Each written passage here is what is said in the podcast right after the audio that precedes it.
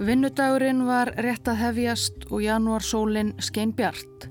James Marshall, trésmiður, hafi tekið að sér það verkefni nokkrum mánuðum fyrr að hafa umsjón með byggingu sögunarmillu við bakka Ameríku ári Coloma í miðdal Kaliforníu. Verkið var langt komið þennan janúardag þann 24. 1848.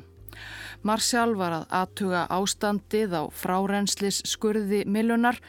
Hann og menn hans unnu nú að því að vika hann og dýfka eins og hann gerði á hverju mótni. Þegar hann, þennan morgun, kom auga á eitthvað í skurðinum sem glitraði í glampandi sólinni. Það voru litlar skínandi steinvölur á skurðbótninum. Ég tók upp einn eða tvo móla og skoðaði þá gömgjafilega og þó ég hefði nokkra almennathekkingu á steintegundum komu mér ekki til hugar nema tvær sem að eitthvað líktust þessum mólum. Járn, mjög skært og brótætt og gull, skært en sveianlegt. Ég prófaði þá síðan millir tveggja hnullunga og komst að því að hægt var að hamra þá til annarar lögunar en ekki brjóta. Svona sagði James Marshall frá atbörðum morgunsins 24. janúar 1848 löngu síðar. Glitrandi móladnir tveir voru ekki þeir einu á botni skurðarins. Ég sapnaði saman fjórum eða fimm mólum og fór til herra Skott sem var við smíðabekkin á útbúa milluhjólið. Með mólana í hendinni og saði ég fann þetta. Hvað er þetta? spurði Skott. Gull, svaraði ég. Ó. Nei, sagði Skott, það getur ekki verið. Þá sagði ég, ég veit ekki hvað annað þetta gæti verið. Marsjál ásamt fleirum átti eftir að gera frekari tilraunir á mólunum til að sannreina tilgáttu sína en jú, það var rétt, þetta var gull sem hann hafi fundið á botni frá reynsli skurðarins. Gull sem von bráðar átti eftir að umturna lífi hans og ótal annara og gerbreyta samfélaginu á þessu fámenn á afskekta landsvæði við vesturströnd Norður Ameríku, Kaliforníu. Og í tilfelli margra, til dæmis Marsjáls sjálfs, varð gullið alls ekki til góðs.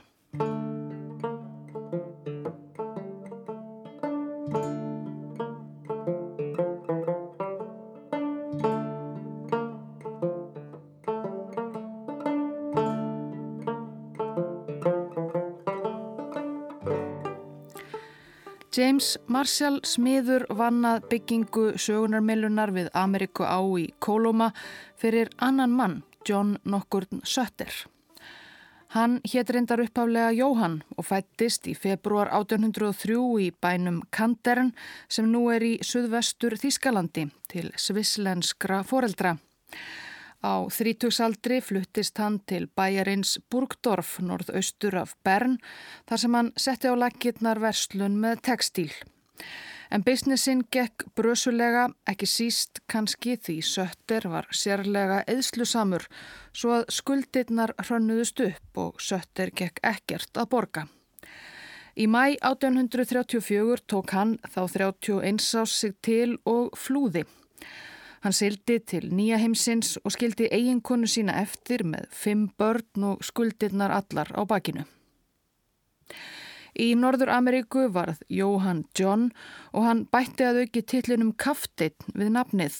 Hann hafði aldrei verið í neinum her í raun og veru en sagðist nú hafa verið herfóringi í lífvarðasveit Karls tíunda frakkakonungs og spann upp æsilega sögu um að hann hefði þurft að flýja Evrópu eftir byltinguna í Fraklandi 1830.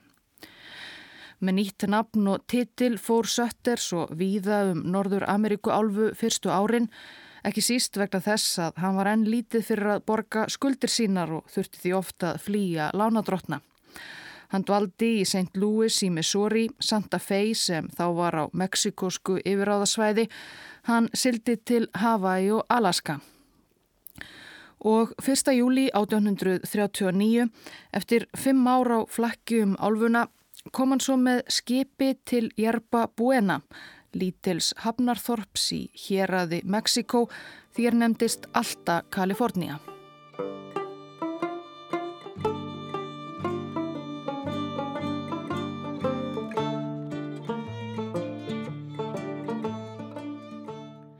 Alta Kalifornía, eða bara Kalifornía, var á þessum tíma alveg ágætur staður til að fela sig fyrir lánadrottnum og byrja nýtt líf.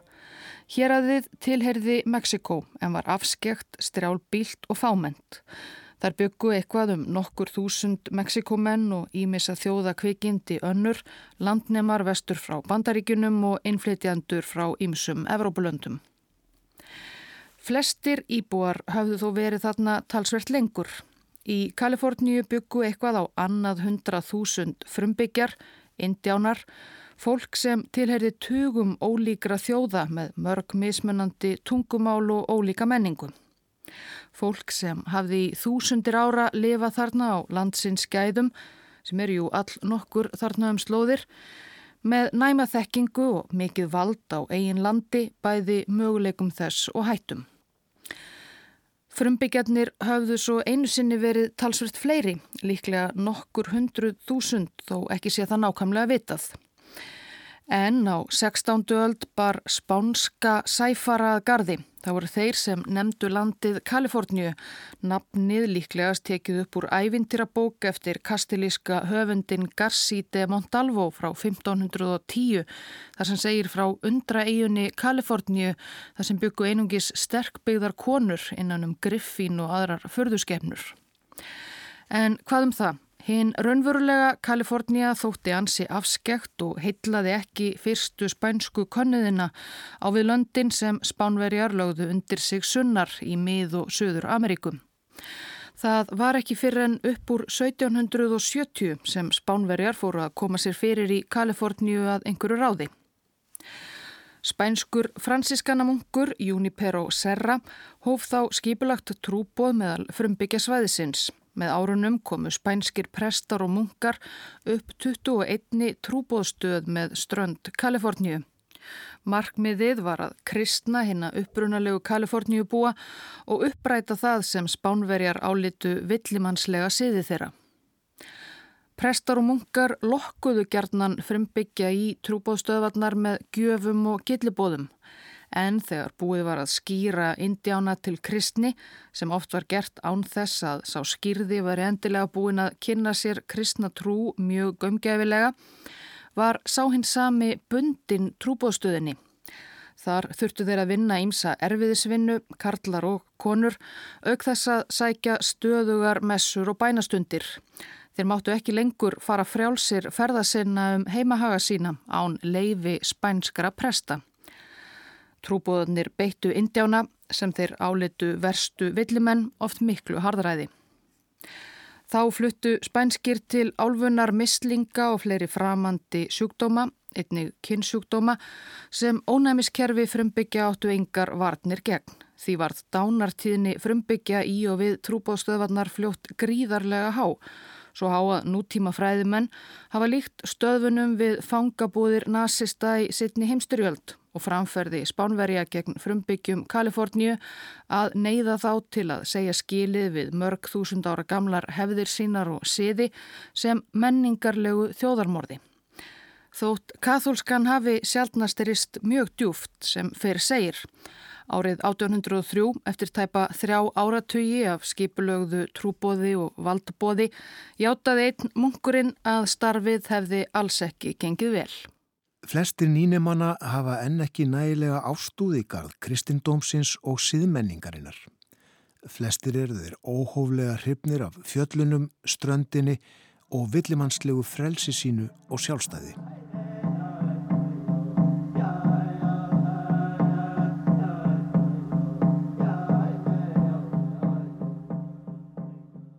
Fyrrum spænska nýlendan Mexiko varð sjálfstæð 1821 eftir meira en áratug af átökum við Spán.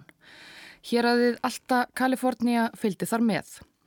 Mexikoska ríkið tók trúbóðstöðvarnar yfir en fyrir utan þær var hér aðið strjálbílt en afskektur útnári langt úr alfaraleið umkringdur miklum og íllfærum fjallgörðum og skraufþurrum eðimörkum. Af og til slættist þó þangað fólk. Fregnir af möguleikum Kaliforníu kviðsuðst út. Gjöfull jarðvegur, myllt loftslag, nóg landflæmi og lítil afskipti yfirvalda. Einhverjir lukkurittarar í leitað tækifærum og jarðnæði lögðu á sig ferðalægið yfir Norður Ameríku álfu og eigðimerkurnar og fjöllin en það var bæði langt og erfitt og gætt endað með óskaplegum ósköpum. Hér í þessum þáttum hefur til dæmis áður verið sögð hryllileg saga hins svo kallaða Donnerflokks Það var hópur landnema úr austri sem festist í Sierra Nevada fjöllum veturinn 1846 til 47 þegar þau hafðu ferðast meira en 4000 kilometra þvert yfir Norður Ameríku og áttu í raun bara spottakorn eftir til Kaliforníu. En Sierra Nevada fjallgarðurinn að vetri reyndist þeim um megn og saga landnemanna endaði með dauða og mannáti. Donnerflokkurinn er allræmdur af ástæðu en bísna margir fleiri vongóðir landnemar létu lífið á leiðinni yfir álfuna.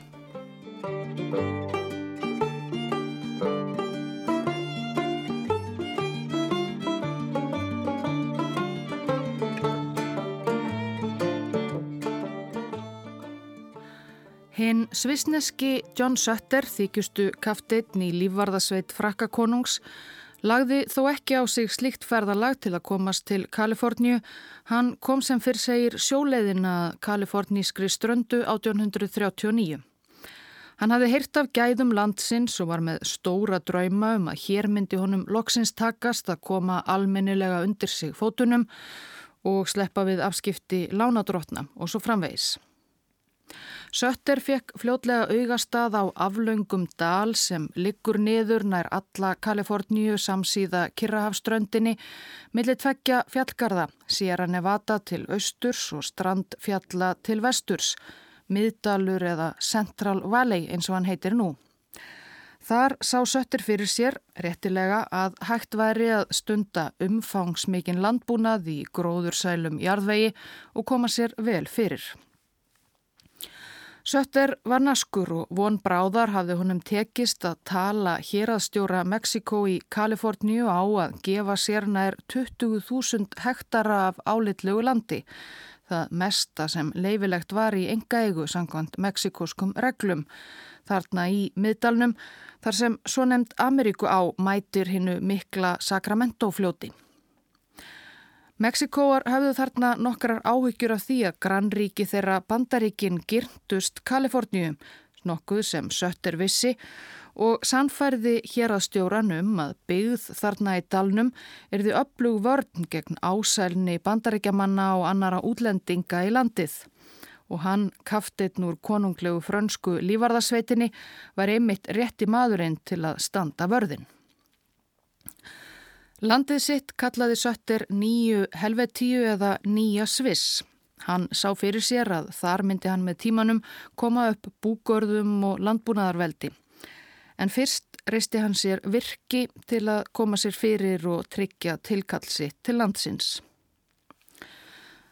Sötter var svo ekki lengi að ganga á bak yfirlýsinga sinna við hér að stjóra Mexiko. Í raun og veru var hann mjög fylgjandi því að bandaríkjamenn og Evrópubúar hans líkar settu stað í Kaliforníu og tækju þátt í uppbyggingu nýju helvetíu.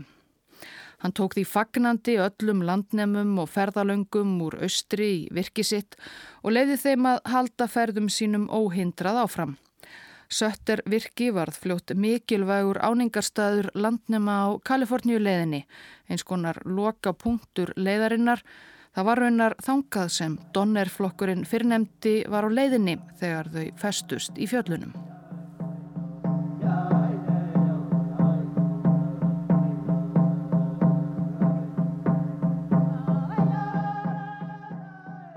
Hagur frumbyggja Kaliforníu hafi lítið vangað þegar Mexikóar tóku við af spánverjum við stjórnvölinn.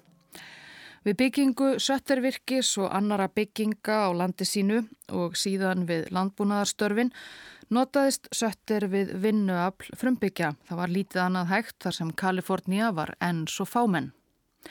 En frumbyggjarnir sjálfur höfðu minnst um það að segja að vinna fyrir kafteinin. Hann nefti í raun og veru frumbyggja í þrældóm og neytti til að vinna fyrir sig með valdi. Þýskur innflytjandi í Kaliforníu lísti aðferðum Sötters svo. Þegar Sötter kom sér fyrir í Sacramento-dalnum 1839 gekk önnur ógefa yfir friðsama frumbyggja landsins. Hann fór umsöðalöst fram á þjónustu þeirra. Þeir sem ekki vildu vinna töldust vera óvinnir. Ráðist var á þorp þeirra fyrir dagreiningu þegar fólk var enni fasta svefni. Árásamennindir þyrmdu kvorki börnum nýja gamalmennum og oft var Sacramento áinn rauð af blóði saklausra indjána. Og frumbyggjar þeir sem lendu í þjónustu Johns Sutter áttu ekki sjö dagana sæla ef markam á lýsingar annara samtímamanna. Þeim var haldið á landaregn hans við ömurlegar aðstæður og fengu aðeins þunnan velling að geta upp úr stórum trógum eins og skeppnur. Sötter fór með frumbyggjana sem eign sína og greitti til að mynda upp skuldir með indjánabörnum eða gaf þau sem gjafir. Sögur voru einnig um að hann nöðgaði frumbyggjakonum og stúlkum sem hann hjælt í þrældómi.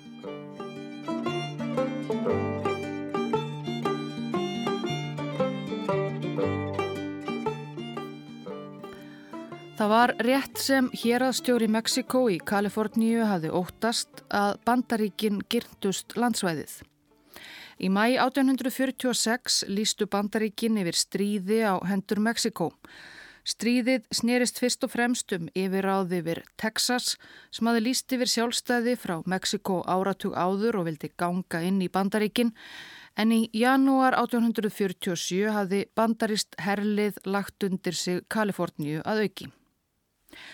Samið var um vopnalli í héræðinu en stríð Mexiko og bandaríkjamanna helt þó áfram annar staðar. John Sutter í dalsínum var þarna ekki ónægður með ástand mála. Hann vildi gjarnan tilheyra bandaríkunum.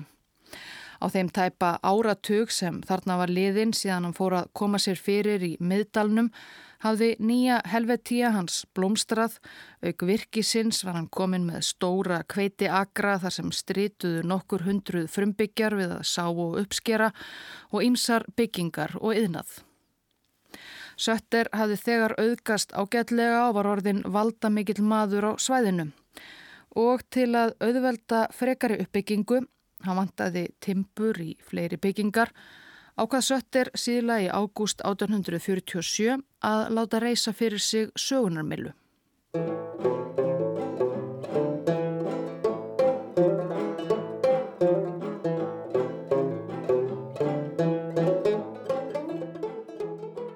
James Wilson Marshall var fættur 1810 í gamalgróna enska fjölskyldu í New Jersey.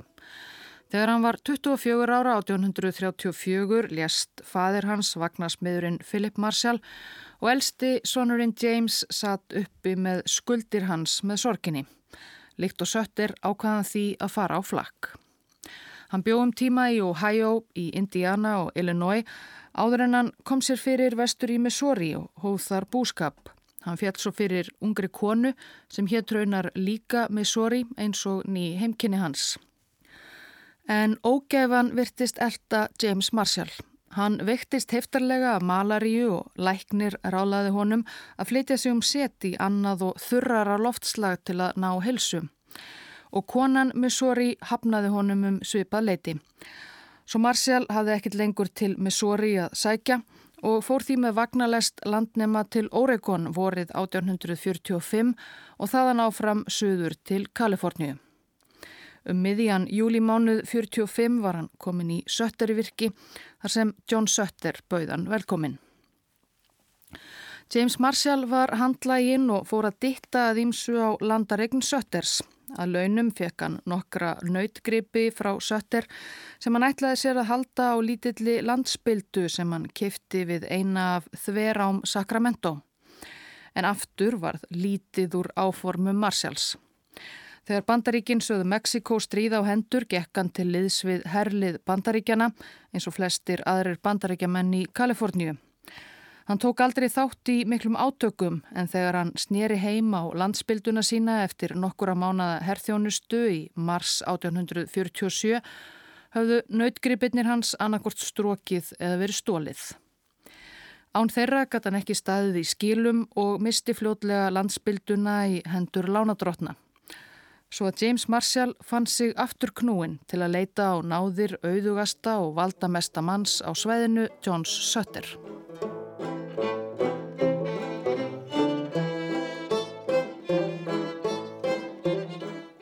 Í mæ 1847 fór ég með riffilinn minn, teppi og nokkrar kekskökur til að hafa með hjartarkjötinu því að hjörtum var þá nóg. Upp með Ameríku á, samkvæmt óskum herra Sötters. Þar sem hann vildi finna góðan stað fyrir sögunarmillu, þar sem væri nóg af timbri og þar sem vagnar gætu ekið með fram áni. Sötter fól James Marshall að finna álitlegan stað við árbakka fyrir sögunarmillu ekki of langt frá virki sínum. Staðinn fann Marshall um 60 km upp með Ameríku á frá virkinu í litlum dal sem frumbyggjar svæðisins kölluðu Kólóma og þar hófst bygging millunar í ágúst 1847. Marshall var ágættur trésmiður en hafði aldrei byggt millu eða neitt af því tægi. Hann var þó að duga. Með sér fekk hann vinnuflokk frumbyggja, hóp mormóna sem voru nýkomnir til Kaliforníu í leitað stað til að yfka trú sína í friði og nokkra vinnumenn aðra. Verkið sóttist ágætlega þó unnið var í öllum veðrum þegar fór að vetra. Allt fram til 24. janúar 1848 þegar verkstjórin Marshall kom auga á glitrandi steinvölur í frárenslis skurði millunar.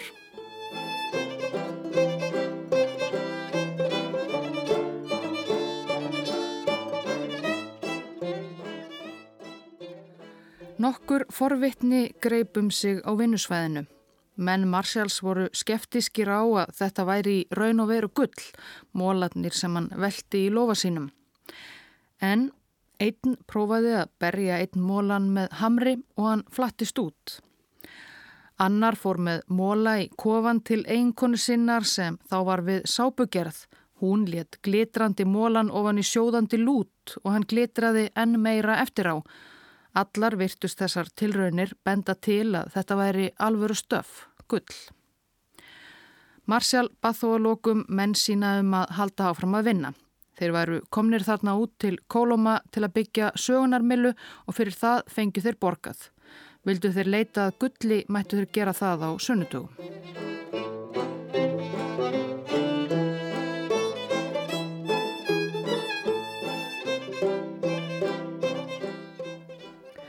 Fjórum dögum síðar fór James Marshall aftur í söttervirki að tilkynna vinnuveitenda sínum um gullfundin.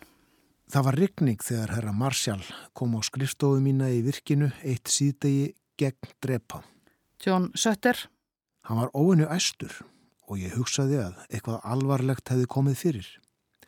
Og eins og maður gerir ósjálfrátt í þessum hluta heimsins gáði ég strax hvort að riffillin minn væri á sínum stað en það var engin þörf á riflinum.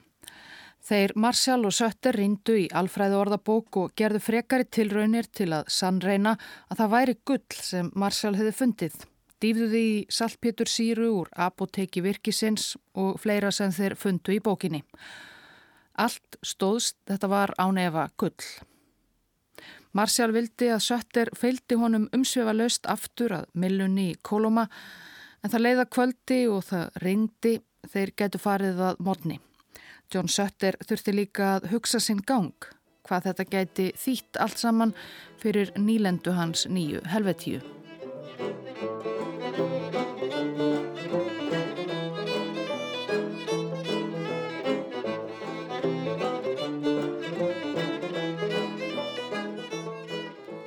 John Sutter og James Marshall verðu fljótt sammála um að reyna að láta gullfundin ekki spyrjast út, ekki strax allavega.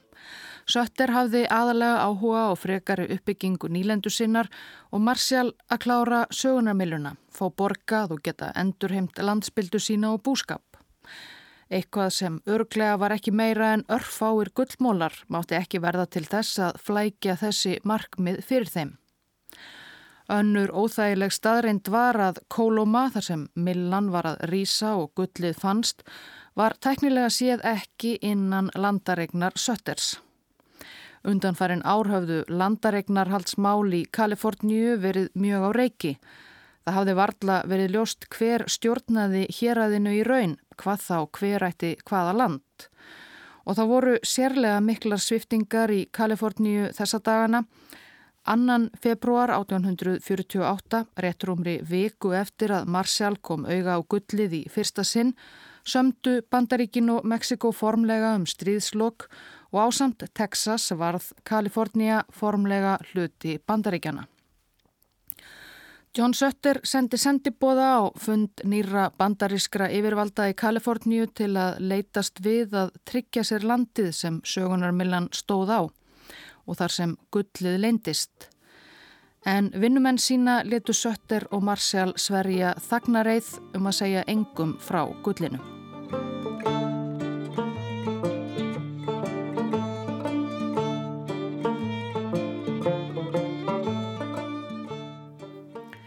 Kynnum til sögunar þriðja landnemann í Kaliforníu sem fer með eitt aðal hlutverka í þessari sögum.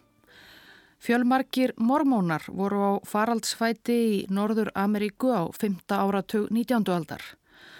Mormónakirkjan eða kirkja Jésu Krist sinna síðari daga heilögu eins og hún heitir fullu nafni hafi verið stopnuð í New York ríki árið 1830 en fyrstu mormónunum gengið illa að finna sér samastað voru litnir hortnauga fyrir sérviskulega síði sína eins og fjölkvæni og lendu íðulega í ofsóknum og átökum hvar sem þeir komu. Því ákváðu leðtóar mormónakirkjunar eftir að stopnandi hennar Joseph Smith var myrtur í Illinois sumarið 1844 að stefna í vestur í leitað landi til að yfka trú sína í friði. Mexikoska héræðið Kalifornia til dæmis fannst þeim líta áleitlega út. Samuel nokkur Brannan fættist í Maine 1819. Hann fór ungur að heimann til að flýja óbeldisfullan föður sinn og gekk í mormónakirkjuna rétt upp úr tvítugu eftir að trúbóðar urðu á vegi hans. Hann tók virkan þátt í kirkjustarfinu og varð áhrifa maður meðal mormónana á örfáum árum gaf meðal annars út trúarlegt dagblað en hann hafi lært til prentara. Veturinn 1845 þegar mormónar voru farnir að stefna í vestur fekk Samuel eða Sam Brannan það verkefni frá æðstumönnum kirkjunar að skipuleggja skipsferð landnema frá austurströnd bandaríkjana til Kaliforníu.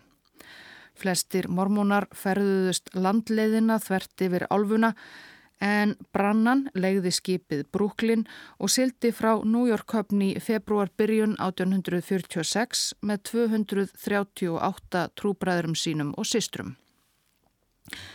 Það var ekki síður langt að sigla að vesturströndinni en að fara landleðina.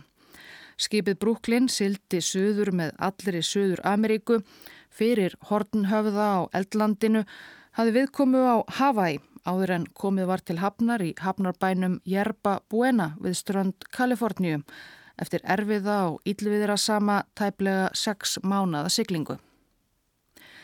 Mormónatnir um borði skipinu höfðu talið sig vera að sigla til Mexiko en stríðinu höfðu lokið rétt um þann mund sem þeir lögðu í hann og var þeim tilkynnt við komuna til Hafnar að þau væru komin til bandaríkjana.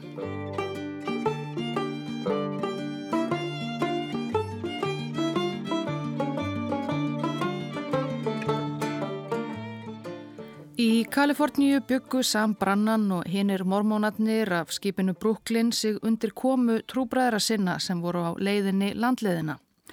Brannan hafi tekið prentvel með sér og í janúar 1847 fór hann að gefa át dagblad California Star. Hann fann líka áleitlegt landsvæði við Sacramento fljót þar sem honum fannst geta risið mormónanna eigin síón en úr varðað félagar þeirra komu aldrei alla leið til Kaliforníu. Vorið 1847 fór brannan yfir Sierra Nevada fjöll til móts við mormónana úr vestri. Hann mætti þeim þar sem nú er bandaríkið Utah. Fyrir Brigham Young sem hafi tekið við aðstu stjórn kirkjunar eftir morðið á spámaninum Joseph Smith lísti brannan æstur gæðum og gnóttum Kaliforníu. En Young varð svo alls ekki eins heitlaður af lýsingum hans. Svo gott land hliti að laða að fjöldan allan af landnemum, hjæltan, og mormónatnir fengju þá enn og aftur ekki að vera í fríði með sitt.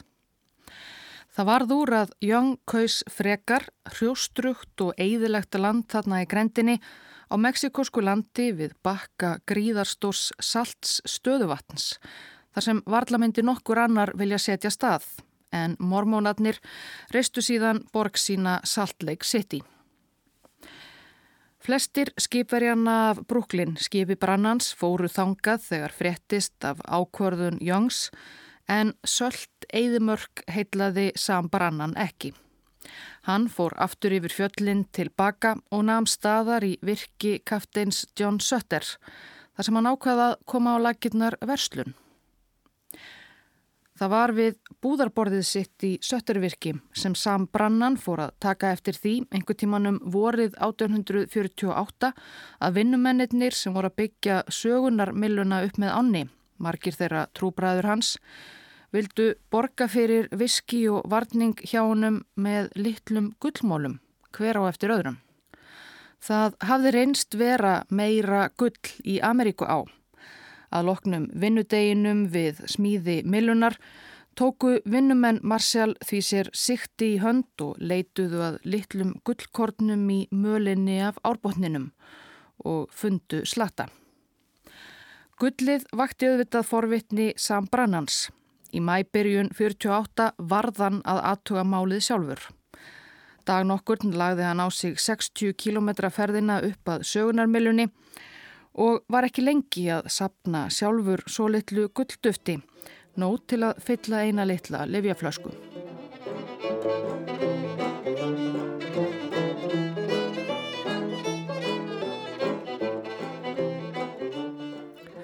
Þorpið Jerba Buena, það er nafn á jurt sem sprettur á þessum slóðum, hafi vaksið upp úr einni af íllræmdum trúbóðstöðum spánverja frá því á átjánduöld. Þar var ágætis höfn af náttúrunar hendi en lítið annað sem heitlaði. Íbúar árið 1847 voru eitthvað tæplega 500 talsins og byggu margir í ansi hrörlegum kofum við sjáarsíðuna. Um þetta leiti færðist það reyndar í aukana að íbúar kölluðu þorpið ekki Jerba Buena heldur nafni gömlu trúbástöðvarinnar sem var nefnd í höfuðið á stopnanda reglunar sem spænsku munkarnir tilherðu heilugum Frans eða San Francisco.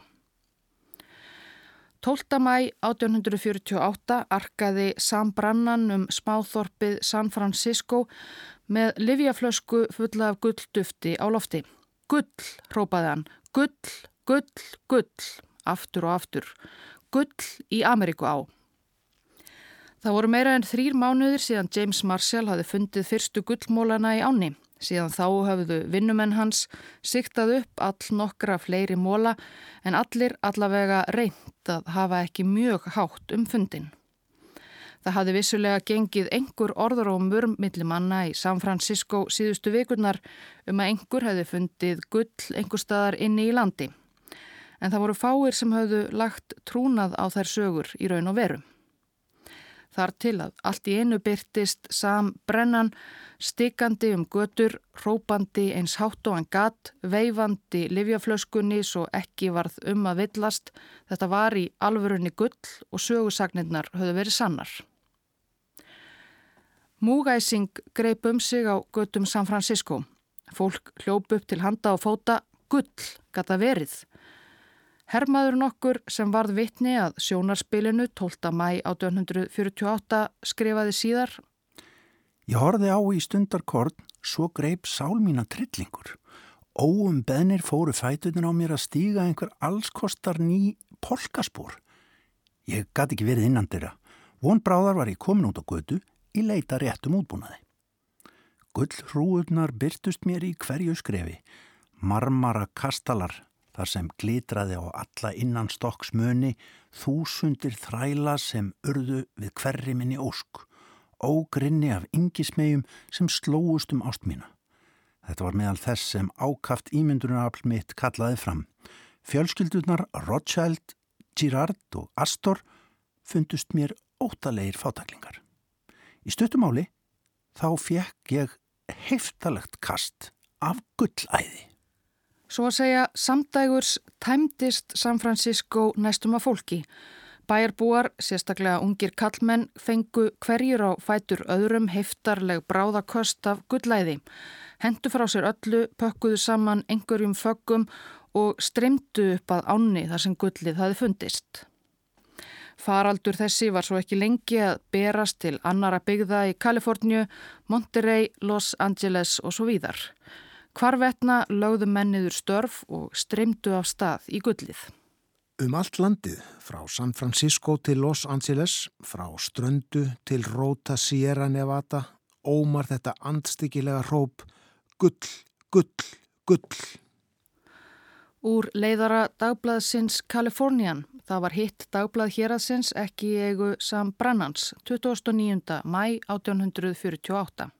Á meðan er akurinn skilin eftir hálfsáin, húsið hálfbyggt og allt hunsað nema framleiðsla á skóplum og hökum og fluttningar á staðin þar sem maður nokkur siktaði fram 128 dollara af gulli á einum degi og meðal daglun manna eru 20 dollarar.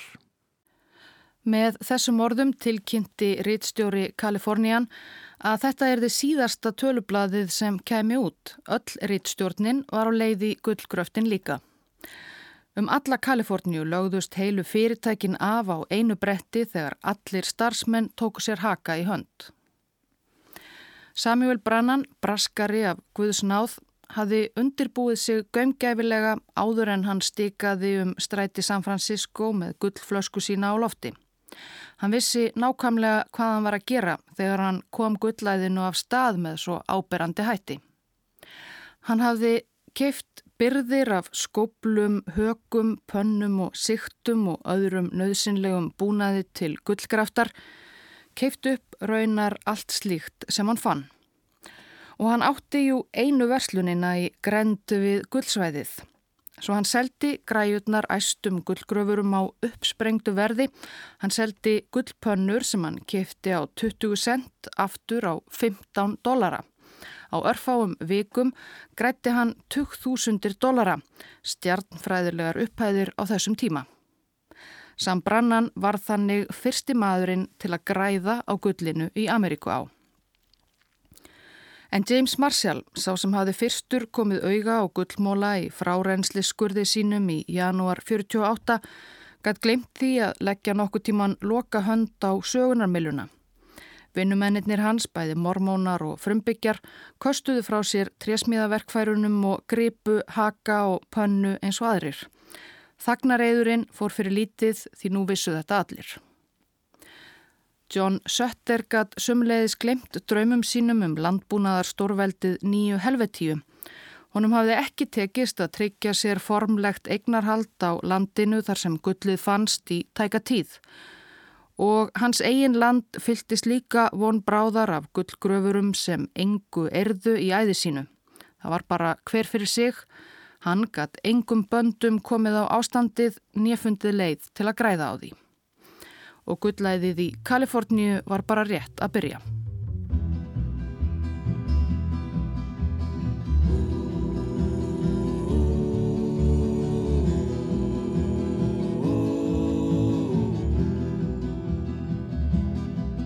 We're sailing across the river from Liverpool, heave away, Santiano, around Cape Horn to Frisco, be way out in California. So heave her up and away we'll go, heave away, Santiano. Heave her up and away we'll go way out in California. There's plenty of gold, so I've been told, heave away, Santiano. Plenty of gold, so I've been told, way out in California. And away we'll go. Heave away, Santiano. Heave her up and away we'll go way out in California. Ah.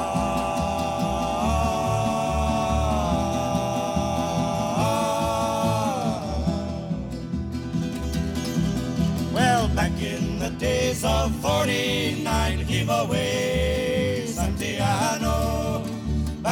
the days of the good old time way out in California. So heave her up and away we'll go, heave away, Santiano, heave her